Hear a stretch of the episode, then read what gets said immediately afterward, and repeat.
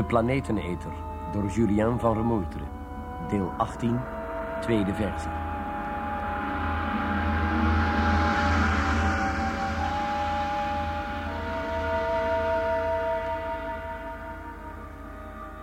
Na het totaal onverwachte vertrek van Erika, de astrofysica van Beta 2, die de zogenaamde planetenether-affaire van zeer nabij had meegemaakt, waren Greta en ik er praktisch van overtuigd dat dokter Kimball zijn psychiatrisch onderzoek niet zou voortzetten.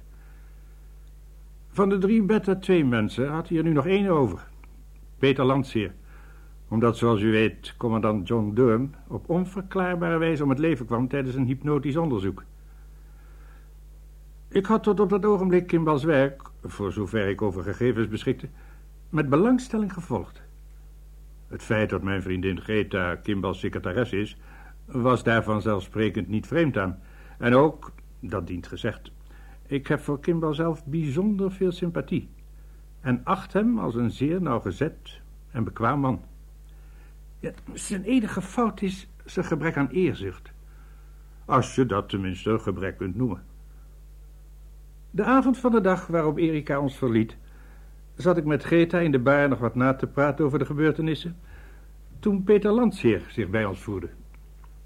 Ah, ik merkte dadelijk dat hij behoefte had aan iemand die naar hem luisterde. Zijn grootste vrees was dat hij de zogeheten grote behandeling zou moeten ondergaan. Dus als het ware het inprenten van een nieuwe persoonlijkheid, waardoor de hele planeteneter-kwestie voor altijd uit zijn geheugen genomen zou worden en vervangen door een reeks onschuldige herinneringen die logisch in zijn levenspatroon pasten. Nou ja, de meesten onder u hebben wel enig idee over het principe van een dergelijke behandeling. Achteraf gezien heeft dat toevallig gesprek met Peter heel andere perspectieven geopend. Althans, wat mijn inzichten betreft. Hij was namelijk afgestapt van de mening dat de planeteneter een dier of een of andere levensvorm zou zijn. Maar wel een ingenieuze machine, vervaardigd door buitenaardse, intelligente wezens. Aanvankelijk luisterde ik geamuseerd sceptisch toe. Maar naarmate hij zijn ideeën verduidelijkte, wist ik dat deze nieuwe versie heel andere perspectieven opende.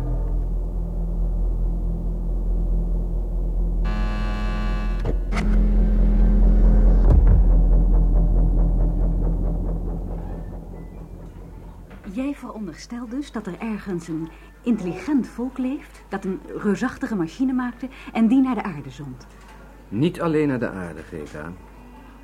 Laten we zeggen naar een of ander planetenstelsel, in dit geval het onze.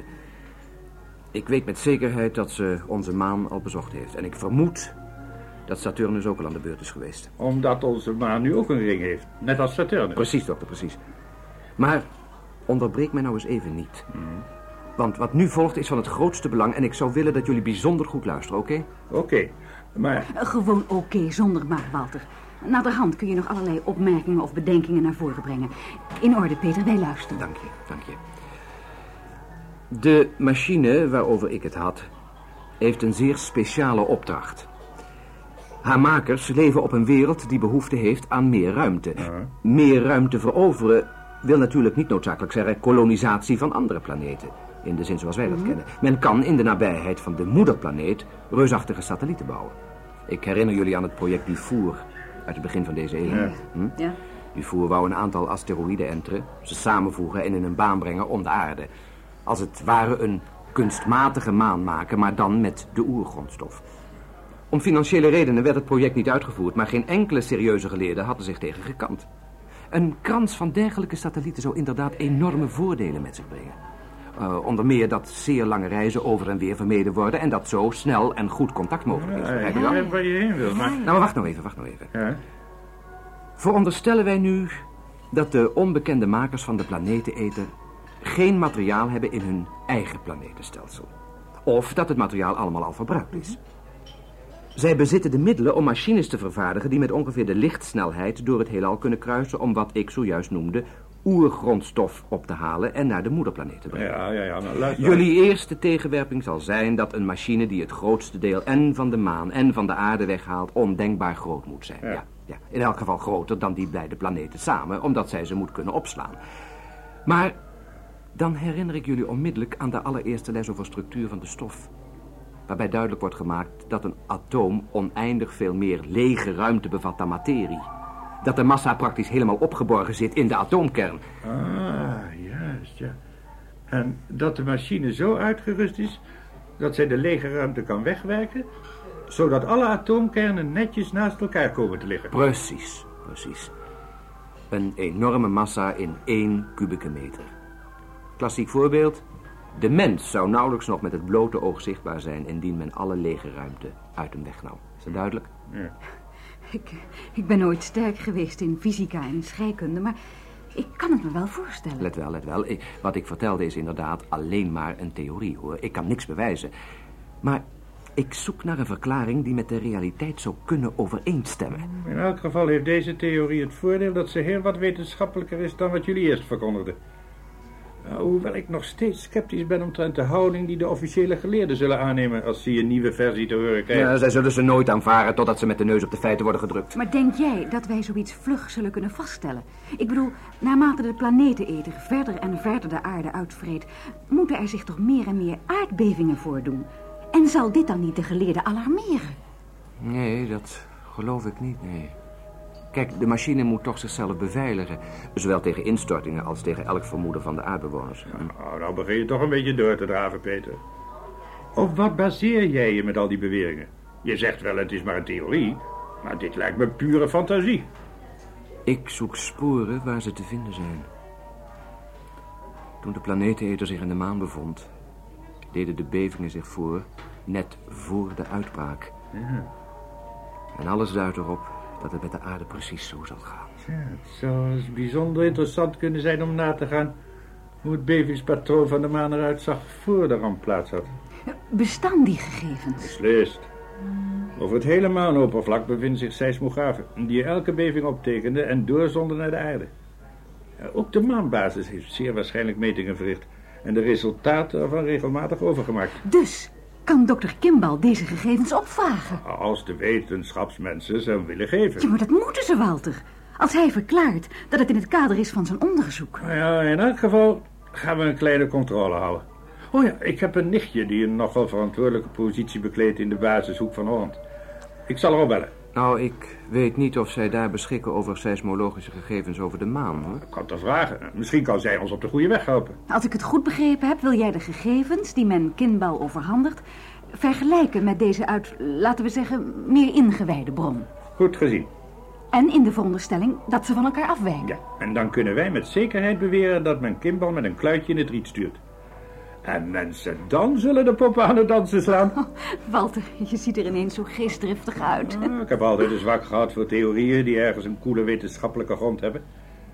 In de eerste versie van de planeteneter miste ik deze. Die eerste versie was geen theorie, dokter. Eerder een eerste ooggetuigenverslag. Heb jij er enig idee van wat er gedaan moet worden... als zou blijken dat de planeteneter werkelijk bestaat, Peter? Ja. Geen flauw idee zelfs. Hij bezit een enorm lichaam. En ik betwijfel of men het kan vernietigen met enkele waterstofbommen. Tenzij er ergens een vitaal gedeelte getroffen zou worden. Ja, maar wie kan dat weten? We moeten zelfs rekening houden met de mogelijkheid dat de planeteneter gewoon niet vernietigbaar is. Of niet vernietigbaar zonder de aarde zelf te verwoesten. Nou goed, we moeten aan het werk. Waar kunnen we Kimball bereiken? Ja, in zijn flat natuurlijk. Oh ja. Eh, Probeer jij eerst je nicht te bereiken, Walter. Hoe eerder we over haar gegevens beschikken, hoe beter. Eh, Peter en ik zullen Kimball zien te bereiken. Ik heb mijn auto hiervoor staan. Eh, Dan kun jij na je gesprek met je nicht ons achterna komen, oké? Mooi. Ik zie jullie straks dan wel.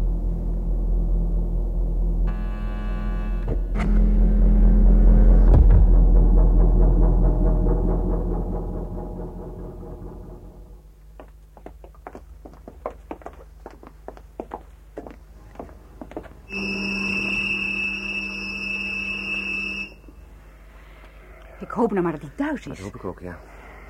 Dit is een bandopname. Oh. Ik ben momenteel niet te bereiken. Nee, Ik zal niet terug zijn voor morgenochtend. ook dat nog. Als u wilt kunt u na het derde signaal een boodschap Ja, achterlaten. ja, ja, ja. Spreek in de deurmicrofoon alstublieft.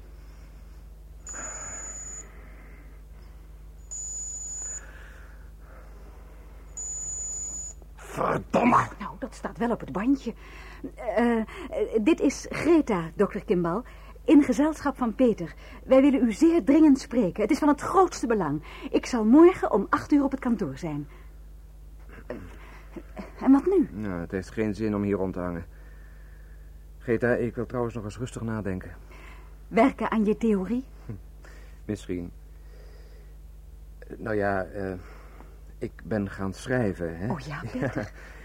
Eerst dacht ik een paar notities te maken over onze tocht door het oerwoud. Notities die mij zouden moeten helpen bij de ondervraging door dokter Kimball, maar... het is een heel verhaal geworden. Ik heb nooit talent gehad, hoor. Oh, maar het lijkt me toch bijzonder interessant. Wil je het lezen? Oh, als je er niks op tegen hebt, graag, Peter. En niet zomaar uit nieuwsgierigheid, hoor. dat weet ik, dat weet ik. Zeg eens, Greta. Ben jij een van ons geworden? Ah, antwoord niet, antwoord niet. Ik weet het wel. Ik weet het wel, Greta.